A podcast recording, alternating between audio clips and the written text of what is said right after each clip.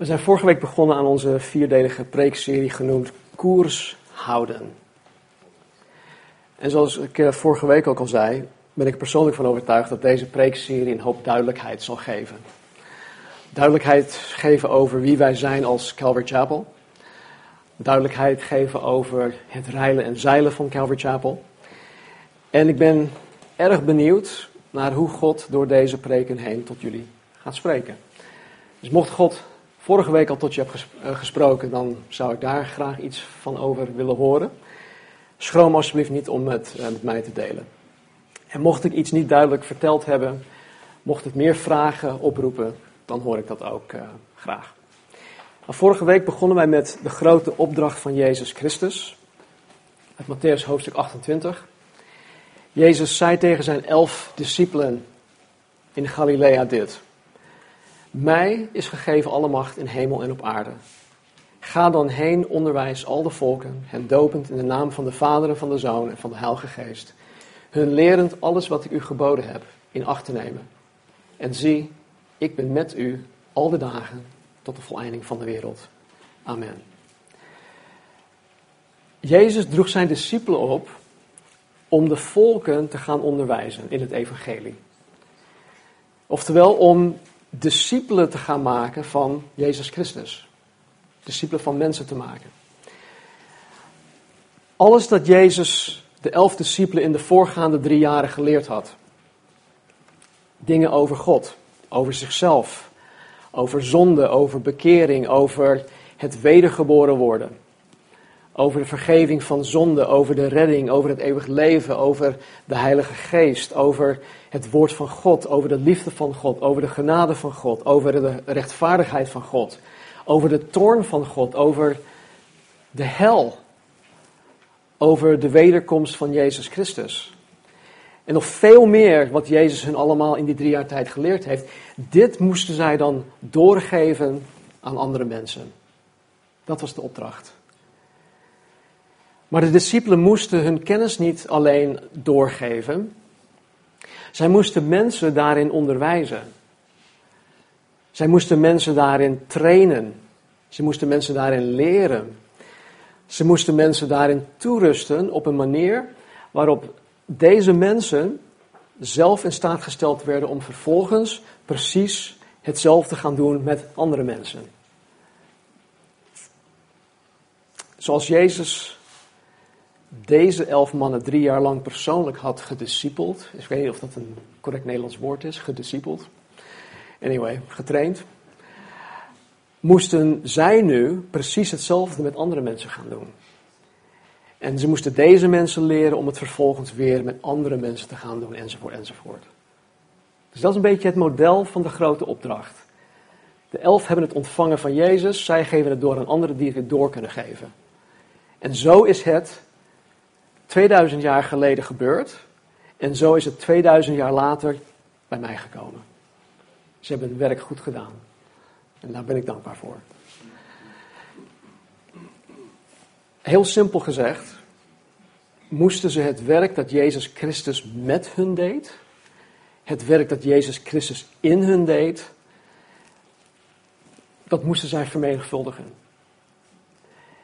En als christen zijnde is het mijn taak om mezelf daarin te vermenigvuldigen. Ik mag met mensen delen dat Jezus Christus mij vergeven heeft, dat Jezus Christus mij um, het eeuwig leven gegeven heeft, dat Hij mijn leven gewoon radicaal veranderd heeft. Ik mag mijn persoonlijk getuigenis met mensen delen. Met, met het oog op dat God het ook voor die persoon en die persoon kan doen. Nou, de manier waarop zij dit deden, de elf, was ten eerste door het evangelie, het, het geweldig nieuws van Jezus Christus met mensen te gaan delen. En we kunnen in Handelingen 2 lezen dat Petrus dit deed. Hij verkondigde het evangelie in Handelingen 2 op de dag van Pinksteren, nadat ze allemaal vervuld werden met de Heilige Geest. En in één klap werden er 3000 mensen aan hun gemeenschap van gelovigen toegevoegd. 3000 mensen waren tot geloof gekomen in Jezus Christus. Ze geloofden dat Jezus voor hun zonde gestorven was dat hij drie dagen later uit de dood is opgestaan. Petrus die, die, die, die, die predikte het, het volledige evangelie. Vervolgens lezen wij in Handelingen 2 hoe Petrus en de discipelen de grote opdracht nog verder ging uitwerken. Want daar, daar hield het niet bij op. Alleen het e- vertellen van het evangelie. Direct nadat deze 3000 mensen tot bekering en wedergeboorte kwamen, zien wij in hoofdstuk 2, Handelingen hoofdstuk 2, vers 41 tot 47, hoe zij vervolgens de grote opdracht nu met elkaar als geloofsgemeenschap vervulden. Dus laten we onze Bijbels openslaan op Handelingen 2. Handelingen 2 vanaf vers 41.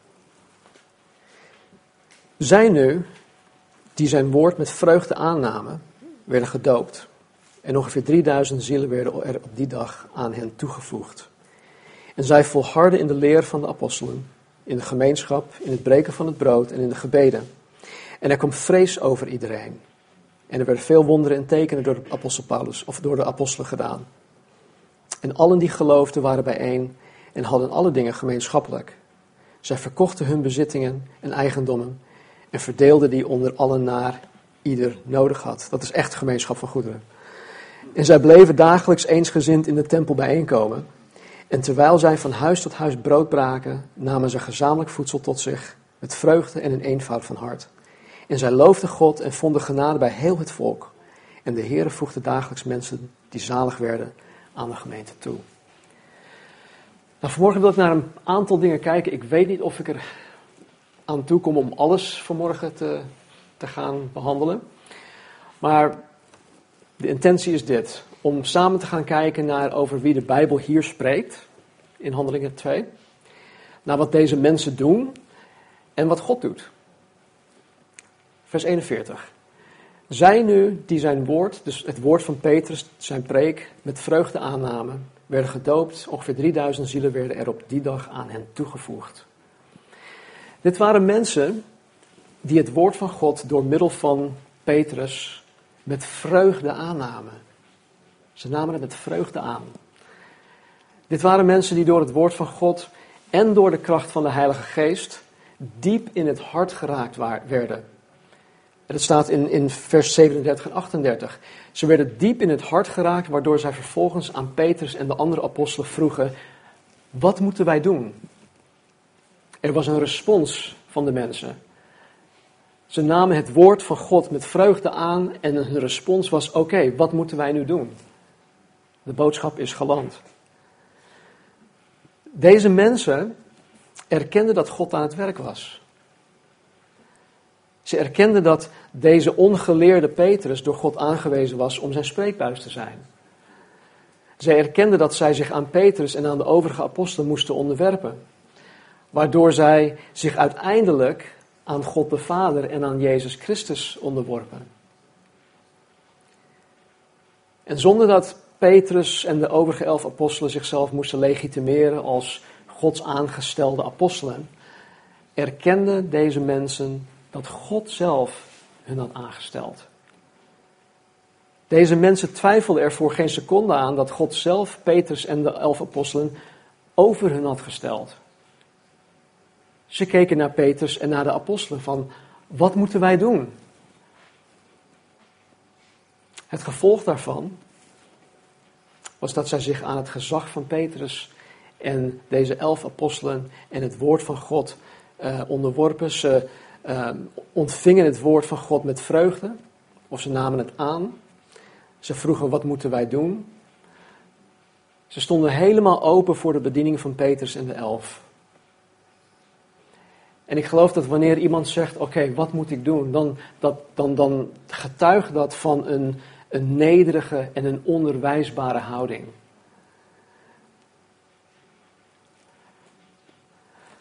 Weet je, als, als christen zijnde, over het algemeen als christen, maar in het bijzonder als voorganger, is het voor mij een, een intens genoegen om christenen in de Calvary Chapel te hebben die erkennen dat God in ons en onder ons en door ons heen aan het werk is. Het is zo gaaf om in gesprek te raken met, met iemand die zegt van, oh man, wat is God bezig. Ik zie God overal aan de gang. mijn eigen leven, maar ook in, in die, in die en die en die en in alle levens om me heen, dat God echt aan het werk is. Het is zo'n genoegen om met dat soort mensen in gesprek te raken. Dit soort christenen hoef je eigenlijk nergens van te overtuigen. En bij dit soort christenen hoef je jezelf ook nooit te verdedigen. Ze stellen zich voor God heel nederig op. Ze vertrouwen op God dat Hij in staat is om Zijn kerk te leiden.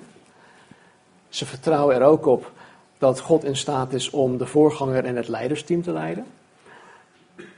Ze vertrouwen erop dat God in staat is om de voorganger en het leidersteam te sturen, bij te sturen, aan te sturen, te inspireren, te corrigeren, te vermanen, visie te geven, wijsheid te geven, kennis te geven. Dit soort christenen begrijpen dat wij allemaal mensen van vlees en bloed zijn en dat de enige reden, maar ook dan ook echt de enige reden waarom wij God überhaupt mogen kennen en dienen, is doordat Jezus Christus ons gered heeft. Genade. Het volmaakt werk aan het kruis. Dit soort mensen begrijpen dat de Heilige Geest ons heiligt. Dat wil zeggen dat Hij ons verandert. En ons vormt naar het beeld van Jezus Christus. Ze begrijpen dat wij allemaal eigenlijk in hetzelfde schuitje zitten. En ze begrijpen dat God degene is die mensen een bediening geeft. Kijk, mensen in sommige situaties proberen mensen het wel toe te eigenen, maar dat, dat lukt toch niet. Althans niet op lange termijn. Mensen prikken daar doorheen. Johannes de Doper zei iets heel moois. Hij zei: Niemand kan zich ook maar iets toe-eigenen als God het hem niet heeft gegeven.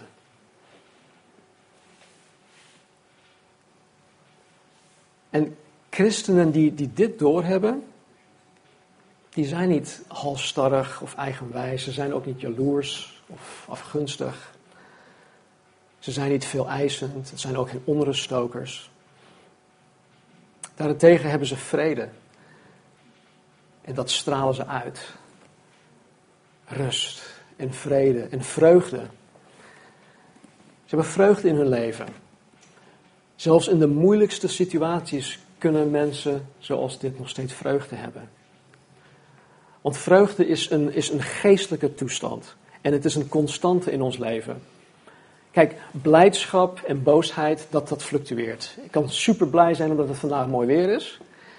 Maar morgen als het, als het uh, rot weer is, of als het echt herfstweer is, nou, dan ben ik niet zo blij. Dus mijn, mijn, mijn stemming, dat, dat gaat op en neer. Maar vreugde, die, die innerlijke vreugde, dat is een constante in, in, of het kan een constante in ons leven zijn.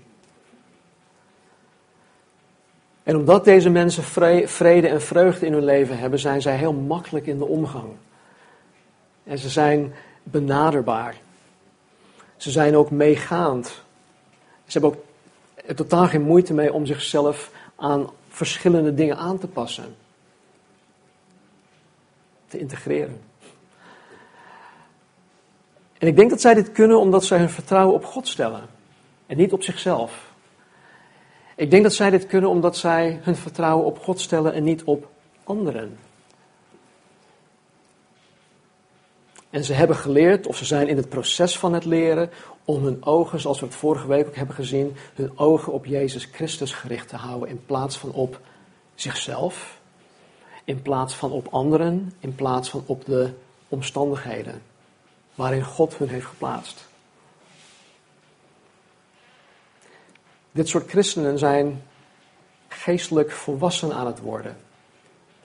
Of gewoon geestelijk, volwassen. En zij snappen heel veel. En ze snappen ook wat God bedoelt met dit vers. En dit vind ik een heel moeilijk vers, omdat ik hier zelf sta en ik, het vertegenwoordigt mij. Maar ik ga het toch noemen. In Hebreeën 13, vers 17, dit komt uit het boek, staat het zo. Gehoorzaam uw voorgangers en doe wat ze zeggen. Het is hun taak over u te waken. Ze zullen voor God verantwoording moeten afleggen over wat zij hebben gedaan. Als u hen gehoorzaamt, zullen zij hun werk met voldoening kunnen doen, zonder veel zorgen en moeite. Maar als u hen niet gehoorzaamt, doet u daarmee uzelf tekort. Al heel snel na mijn eigen bekering had God mij dit vers geopenbaard. En ik weet niet waarom ik zo bevoorrecht was om het al zo snel door te krijgen, maar ik geloof dat hij dat zo bedoeld heeft omdat hij wilde en nog steeds wil dat ik mezelf aan mijn voorganger onderwerp. En kijk, ondanks dat ik nu zelf voorganger ben, zijn er nog steeds mensen in mijn leven die mijn voorganger zijn. Die ik heel hoog heb staan, waaraan ik me onderwerp. Ik heb na mijn bekering in 1990 slechts in twee kerken actief gediend. Maar twee. Eh, behalve deze dan. En in, in beide heb ik mezelf en ook mijn gezin onderworpen aan het gezag van het leiderschap die God over ons had aangesteld.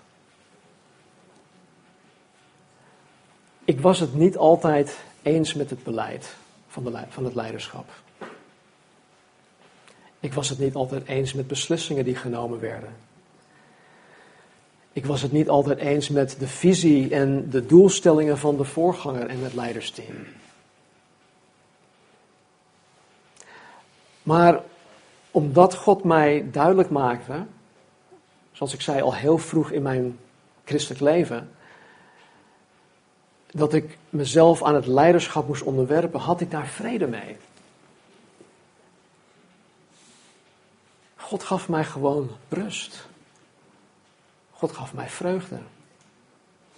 Ik maakte me geen zorgen over wat er allemaal niet gebeurde zoals ik het graag zou zien gebeuren. Ik maakte me ook niet druk over de, in mijn beleving, foute beslissingen die genomen werden.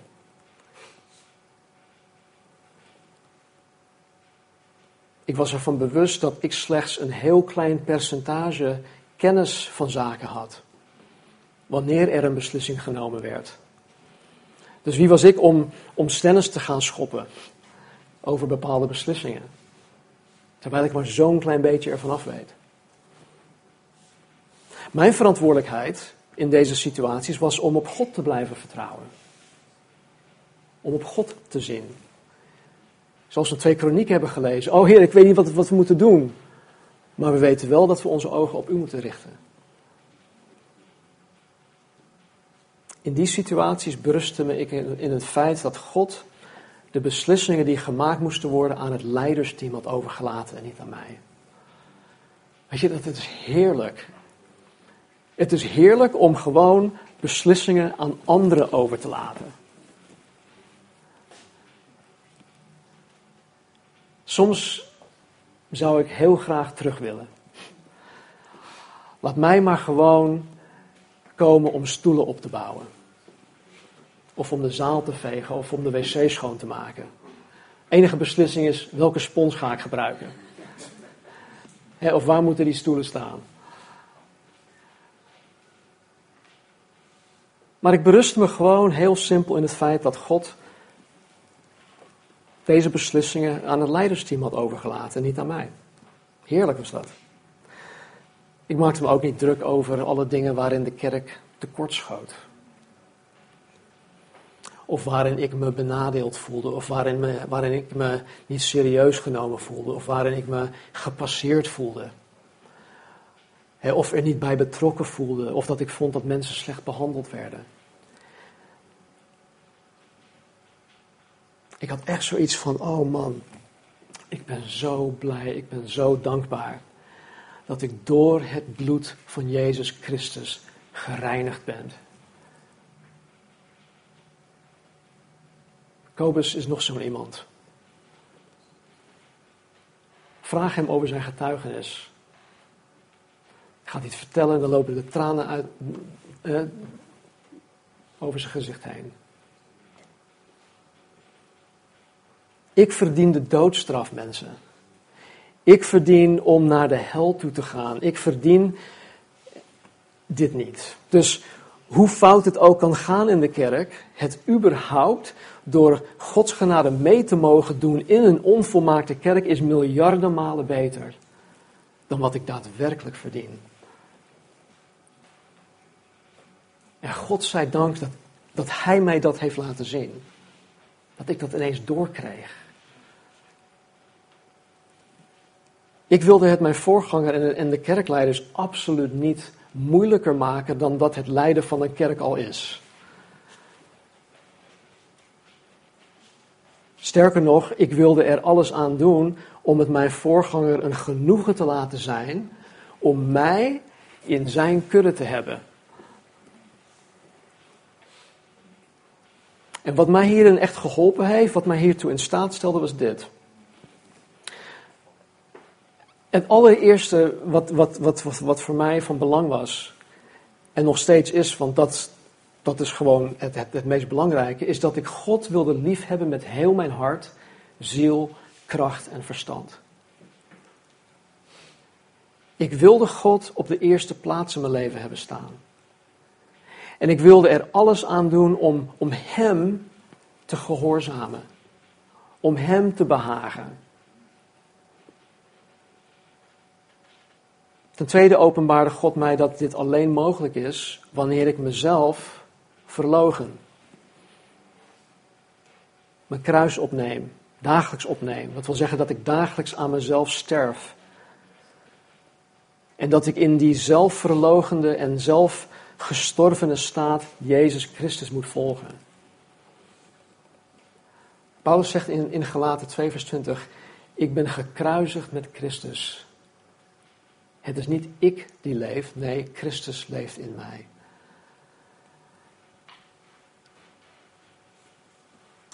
Jezus zei ook, hij die zijn leven wil behouden, zal het verliezen. En hij die zijn leven wil, of wil verliezen omwille van mijn naam, zal het behouden.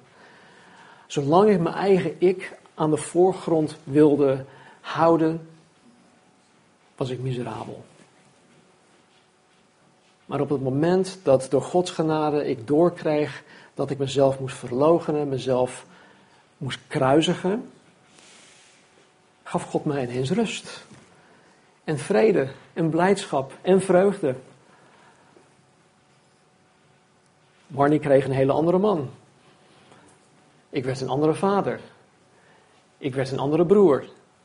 Ik werd een andere zoon. Ten derde leerde God mij om in het navolgen van Jezus mijn ogen gericht te blijven houden op Hem. Maar dat vereiste ook dat ik een aantal dingen moest afleren. En ten eerste, wat ik moest afleren, was dat ik mijn ogen van mezelf moest afhalen. We zijn als mens zijnde eigenlijk alleen maar met onszelf bezig. Dus dat moest ik afleren. Dat moet ik nog steeds dagelijks afleren. Want voor mij ben ik het meest belangrijk. Dus ik moest leren om mijn ogen gericht te blijven houden op Hem, op Jezus, niet op mezelf, ook niet op anderen. Ook niet op mijn kerkleiders, ook niet op het leiderschapsteam, niet de voorganger, enzovoort, enzovoort. Maar vooral niet ook op de omstandigheden waarin ik me bevond.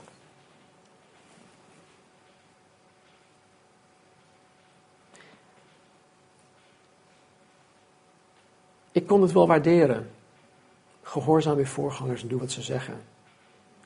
Het is hun taak over u te waken. Ze zullen voor God verantwoording moeten afleggen over wat ze hebben gedaan. Als u, hen, als u hen gehoorzaamt, zullen zij hun werk niet met voldoening of met voldoening kunnen doen, zonder veel zorgen en moeite. Maar als u hen niet gehoorzaamt, doet u daarmee uzelf tekort. Dat was het egoïstische van mij. Mijn motivatie was best wel egoïstisch om dit te doen. Ik wilde mezelf niet tekort doen. Ik wilde mezelf gewoon niet tekort doen. Begrijp me alsjeblieft niet verkeerd. Wat er hier in Hebreeën 13, 17 staat, zou ik nooit van jullie eisen of afdwingen. Dit is echt een zaak tussen jou en God. Maar het is wel mijn gebed dat jullie je hiervoor openstellen. En dat jullie God zijn werk in jullie harten laat doen. Want als je dit doet, zal het bijdragen om mijn taak als voorganger en de taak van het leidersteam met voldoening te kunnen doen. Met voldoening. Heerlijk om je werk met voldoening te kunnen doen.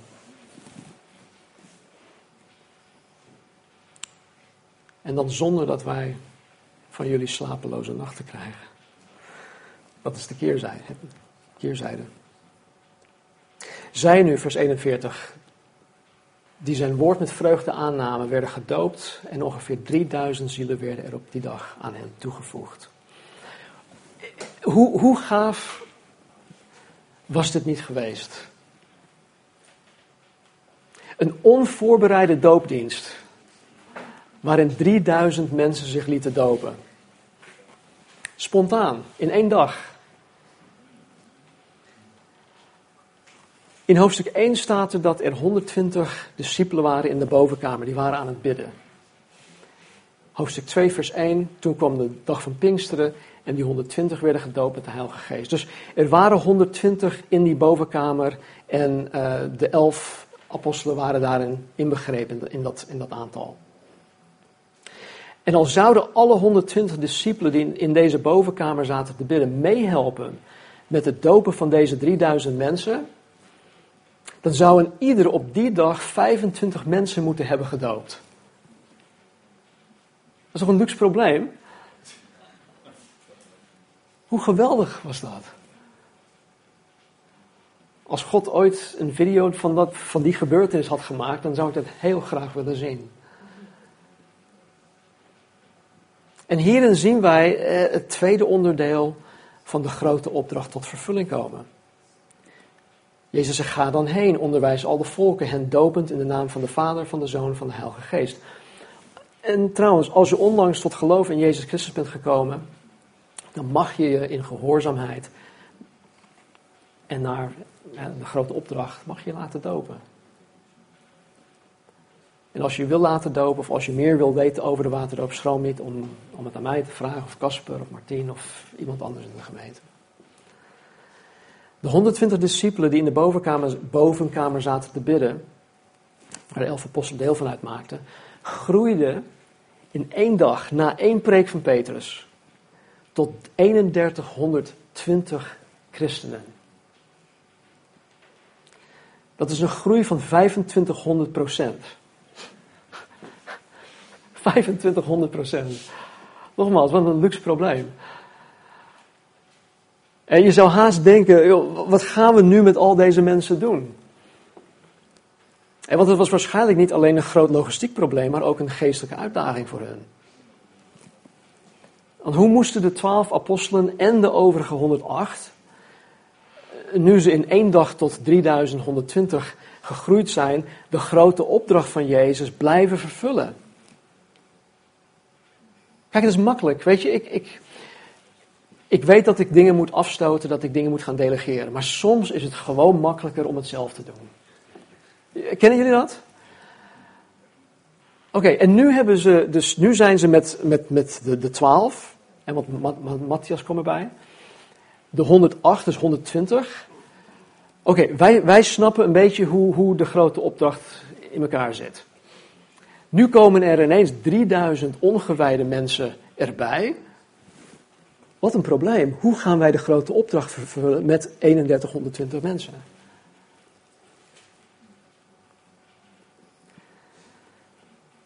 En zij, vers 42 in handelingen. En zij, dus de 3120, volharden in de leer van de apostelen, in de gemeenschap, in het breken van het brood en in de gebeden.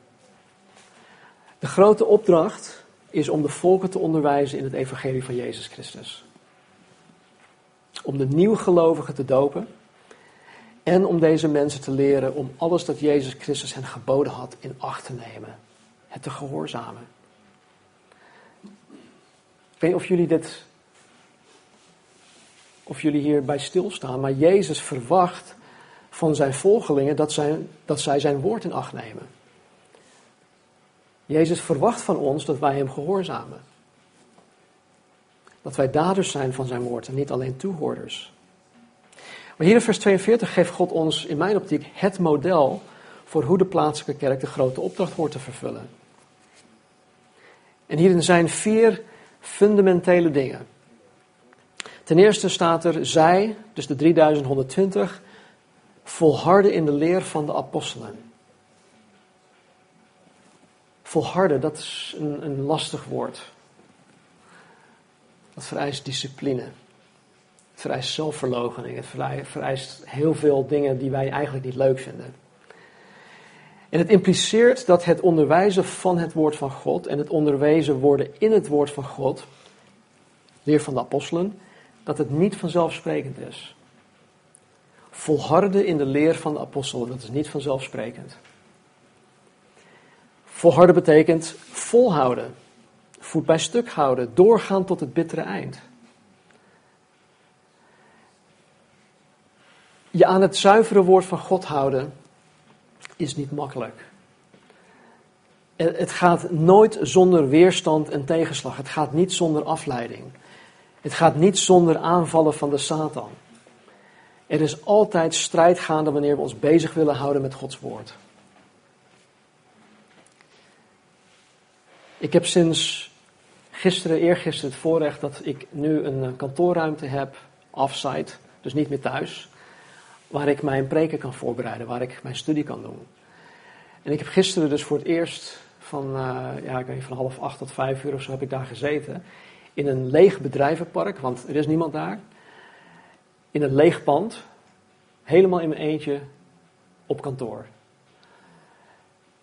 En het is een ruimte van 7 meter breed, 14 meter lang of diep. En ik heb daar één bureau staan van 2 bij 1 en één stoel. Beneden is er een keukentje, toiletgroep. Heerlijk om daar in mijn eentje te mogen zitten. Maar weet je wat? Ik was ochtends uh, koffie aan het maken. Ineens, ik heb niet veel haar, maar ineens begonnen de haren op mijn nek en op mijn rug uh, te staan. Wat is dat nou weer? En ik ging de keuken uit. En dat was een heel naar gevoel. Ik zag iets bij de trap. Uit, uit, mijn, uit mijn ooghoek. Dus ineens werd het gewoon eng.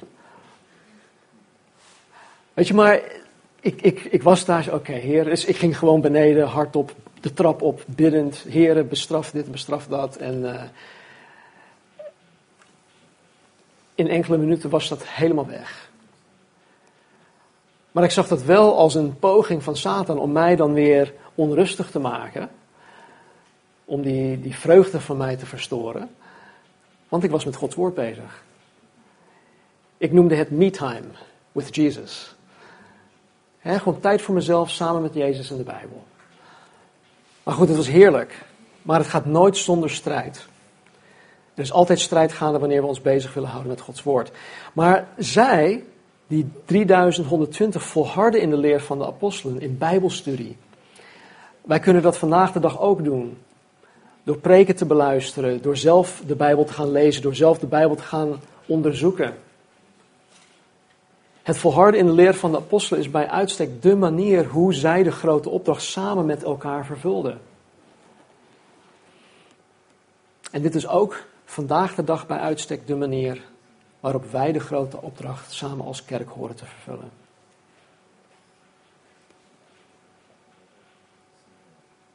En vandaar dat wij als Calvary Chapel het onderwijzen van Gods woord hoog in het vaandel hebben staan. Voor veel mensen is dit saai. Voor veel mensen is dit gewoon niet, niet boeiend. door de Bijbel heen, alweer die Bijbel. Maar dit is wie wij zijn. Dit is wat we doen. Behalve wanneer ik van tijd tot tijd een preekserie geef zoals dit, gaan wij structureel door de Bijbel heen. Het gaat soms heel langzaam. Maar wij onderwijzen de Bijbel. Wij onderwijzen het woord van God. Wij volharden in de leer van de apostelen. We gaan boek voor boek, vers voor vers de Bijbel door. En als Calvary Chapel zit dat nou eenmaal in onze, in onze DNA. Wij kennen niets anders. Wij willen ook niets anders. We zien hier in Handelingen 2 dat de eerste gemeente volharde in het woord van God. Dus om überhaupt koers te kunnen blijven houden, moeten ook wij volharden in de leer van de apostelen in het eigen maken van Gods woord. Ik weet dat wanneer we het over de grote opdracht hebben, dat veel mensen ineens denken aan evangelisatie. We moeten, we, moeten naar buiten toe. En dat is ook zo, we moeten naar buiten toe. Maar het vervullen van de grote opdracht begint met evangelisatie. Het is slechts een begin. Het aan mensen vertellen over Jezus. Maar omdat het een begin is, eindigt het daar niet mee. Nee, de opdracht is om discipelen te maken. En een discipel is een leerling van Jezus Christus. Die zijn of haar hele leven lang blijft volharden in het leren van wie Jezus is, in het leren van het woord van God. Het is Gods verlangen voor ons, wij die zijn discipelen zijn, dat wij volwassen discipelen worden. Dat wij toegerust worden, dat wij bekwaam worden in het christen zijn. Dat wij veelvoudig, eeuwig blijvend vrucht dragen. En het volharden in de leer van de apostelen, oftewel het onderwijzen van Gods woord, is Gods weg om tot die volwassenheid te komen. Een aantal jaren later schrijft, schrijft Paulus een brief aan een jonge voorganger die hij in de feest had achtergelaten, Timotheus. En er staat in 2 Timotheus 3, vers 16 en 17 dit. Heel de schrift is door God ingegeven en is nuttig om daarmee te onderwijzen, te weerleggen, te verbeteren en op te voeden in de rechtvaardigheid. Opdat de mens die God toebehoort volmaakt, ofwel volgroeid of volwassen zou zijn, tot elk goed werk volkomen toegerust. Wanneer een, een wedergeboren christen in alle oprechtheid het, het woord van God zich biddend eigen maakt. als hij zich beijvert in het rechtsnijden van Gods woord. Dan zal hij of zij gegarandeerd een volwassen discipel van Jezus Christus worden. Het kan niet anders. Jullie die kleintjes hebben. Eerste wat ze kregen was misschien borstvoeding. Ja, vervolgens een fles, en een papfles en dan wat, wat, wat anders. Fruit, misschien brood. En je ziet ze gewoon met de dag groeien. En uiteindelijk, als je ze blijft voeden, worden ze groter en groter en sterker en meer volwassen, lichamelijk. En hopelijk ook geestelijk. En zo is het ook de bedoeling met ons dat wanneer wij Gods woord tot ons nemen en blijven tot ons nemen, dat wij uiteindelijk volwassen gaan worden, volgroeid gaan worden. Het is de garantie die wij hebben. Als voorganger draag ik de verantwoordelijkheid om het woord van God recht te snijden en het verklarend te gaan verkondigen. Verklarend betekent gewoon dat ik eruit haal wat er staat, niet dat ik erin lees wat ik denk dat er staat.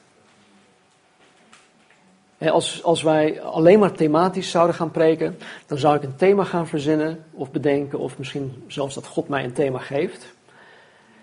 En dan zou ik eigenlijk allerlei Bijbelteksten erbij halen of erbij roepen om mijn thema dan te onderbouwen. Nou, dat is niet, dat is niet onderwijzen van de, van de Bijbel. Onderwijzen van de Bijbel is, zoals ik net zei, het structureel door de Bijbel heen gaan en eruit te halen wat er staat. In 2 Timotheus 4, vers 1 en 2 zegt Paulus dit tegen dezelfde Timotheus. Ik bezweer u, Timotheus, ten overstaan van God en de Heer Jezus Christus, dit is heftig, die levende en doden zal oordelen bij zijn verschijning en in zijn koninkrijk. Predik het woord. hij zegt, ik bezweer u, predik het woord, volhard daarin. Gelegen of ongelegen, weerleg, bestraf, vermaan en dat met alle geduld en onderricht. Dat, is, dat geldt ook voor mij. Ik zie dit als een directe opdracht van God voor mij. En weet je, ik weet niet of jullie hier ooit, ooit bij stil hebben gestaan, maar de meest liefdevolle manier waarop, waarop ik jullie kan dienen, is door jullie het zuivere woord van God te geven.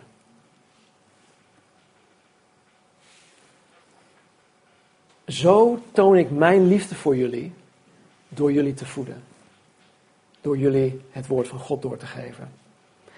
En hiertoe zet ik me elke week voor in. Ik ben zo'n 20 uur per week bezig om deze zondagstudie voor te bereiden. En dat zeg ik niet om, ja, om op te scheppen of zo, maar ik zeg gewoon, het, het vereist een hoop werk. Ik ben daar heel consciëntieus in. En misschien denken sommigen dat ik mijn tijd beter kan besteden aan andere zaken. Maar ik ben er stellig van overtuigd dat de meest liefdevolle daad die ik jullie kan bewijzen is door te volharden in de leer van de apostelen. Door jullie, de gemeente van Jezus Christus, te onderwijzen. En dit is waartoe God mij geroepen heeft. En dit is waar ik mij voornamelijk mee bezighoud. Nu jullie.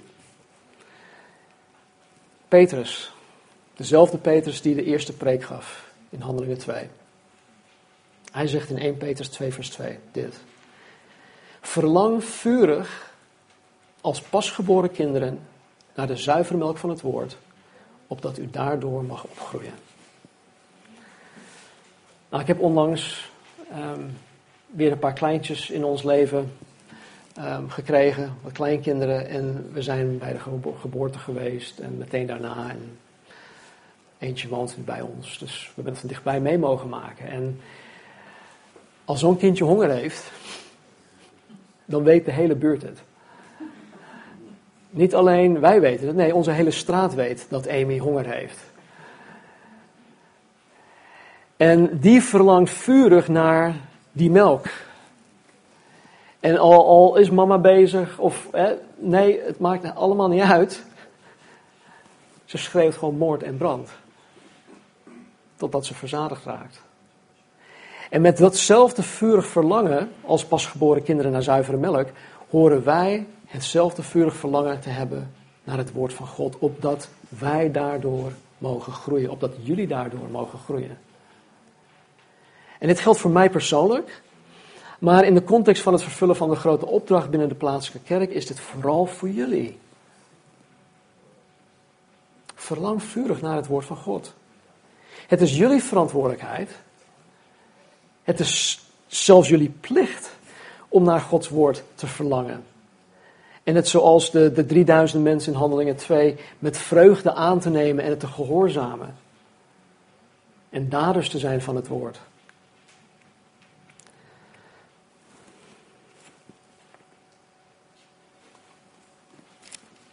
Andere dingen zijn volharden in de gemeenschap, in het breken van het brood en in de gebeden.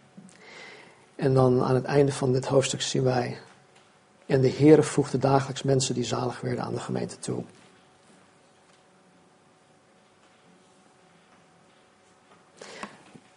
Ik denk dat ik het voor vandaag hierbij laat. En dan komen we er volgende week op terug. Op um,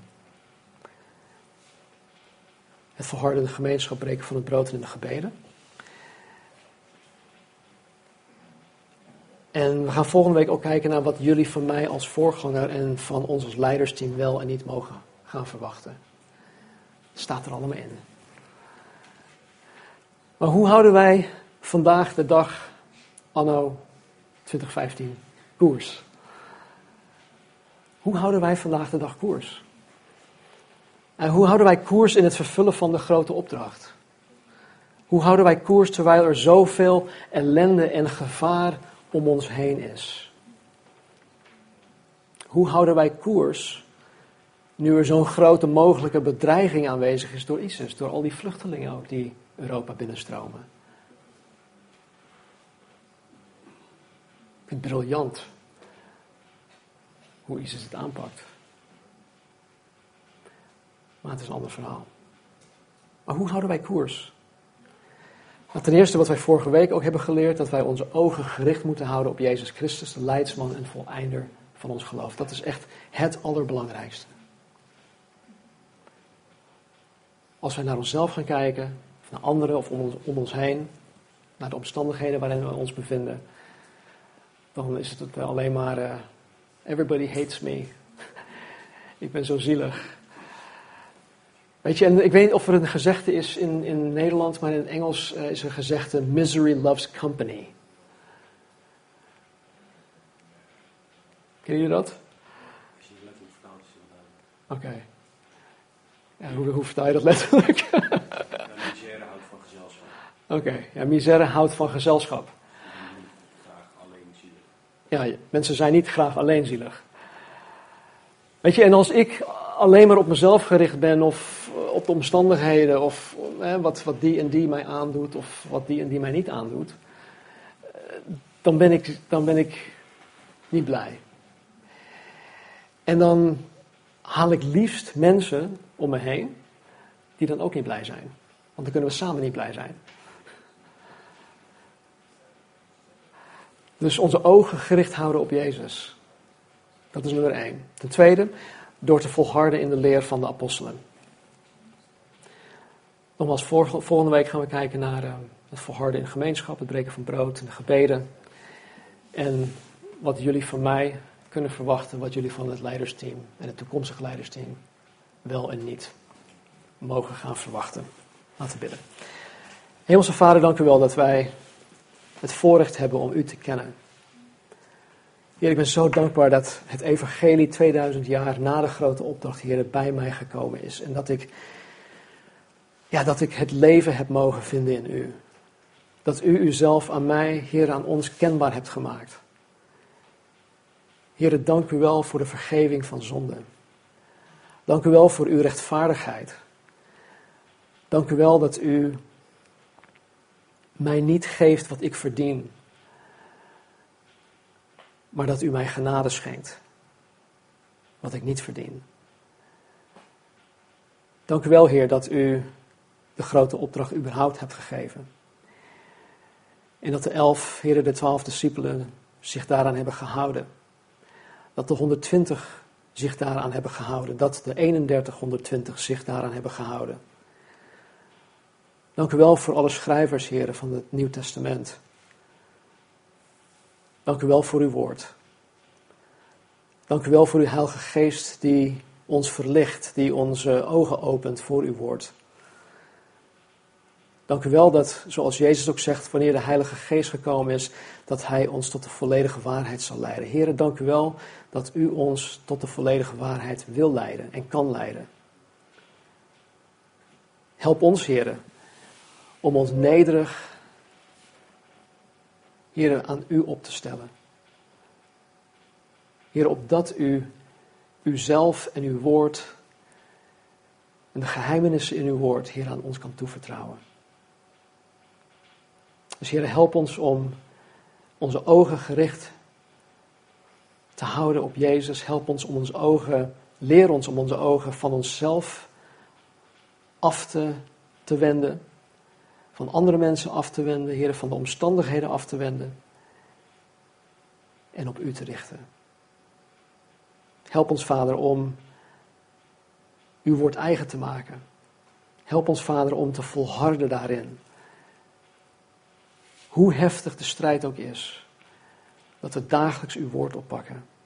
Dat we dagelijks uw woord tot ons nemen. Dat we biddend en smekend uw woord zullen benaderen. Opdat de Heilige Geest ons kan verlichten en uw woord aan ons openbaren.